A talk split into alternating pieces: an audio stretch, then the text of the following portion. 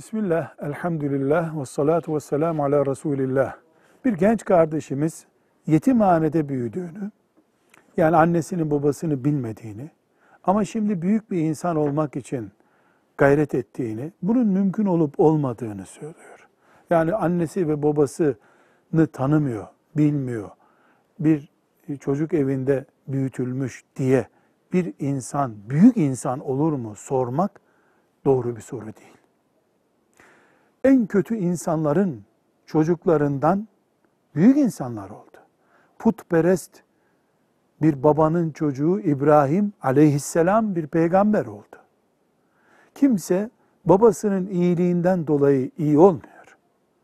Kimse babasının kötülüğünden dolayı da muhakkak kötü olmuyor. Çalışan, gayret eden, Allah'ın şeriatına uyan, ahlakını koruyan, büyük düşünen herkese büyüklük yolu açıktır. Böyle bir soruyu bile doğru bulmayız. Velhamdülillahi Rabbil Alemin.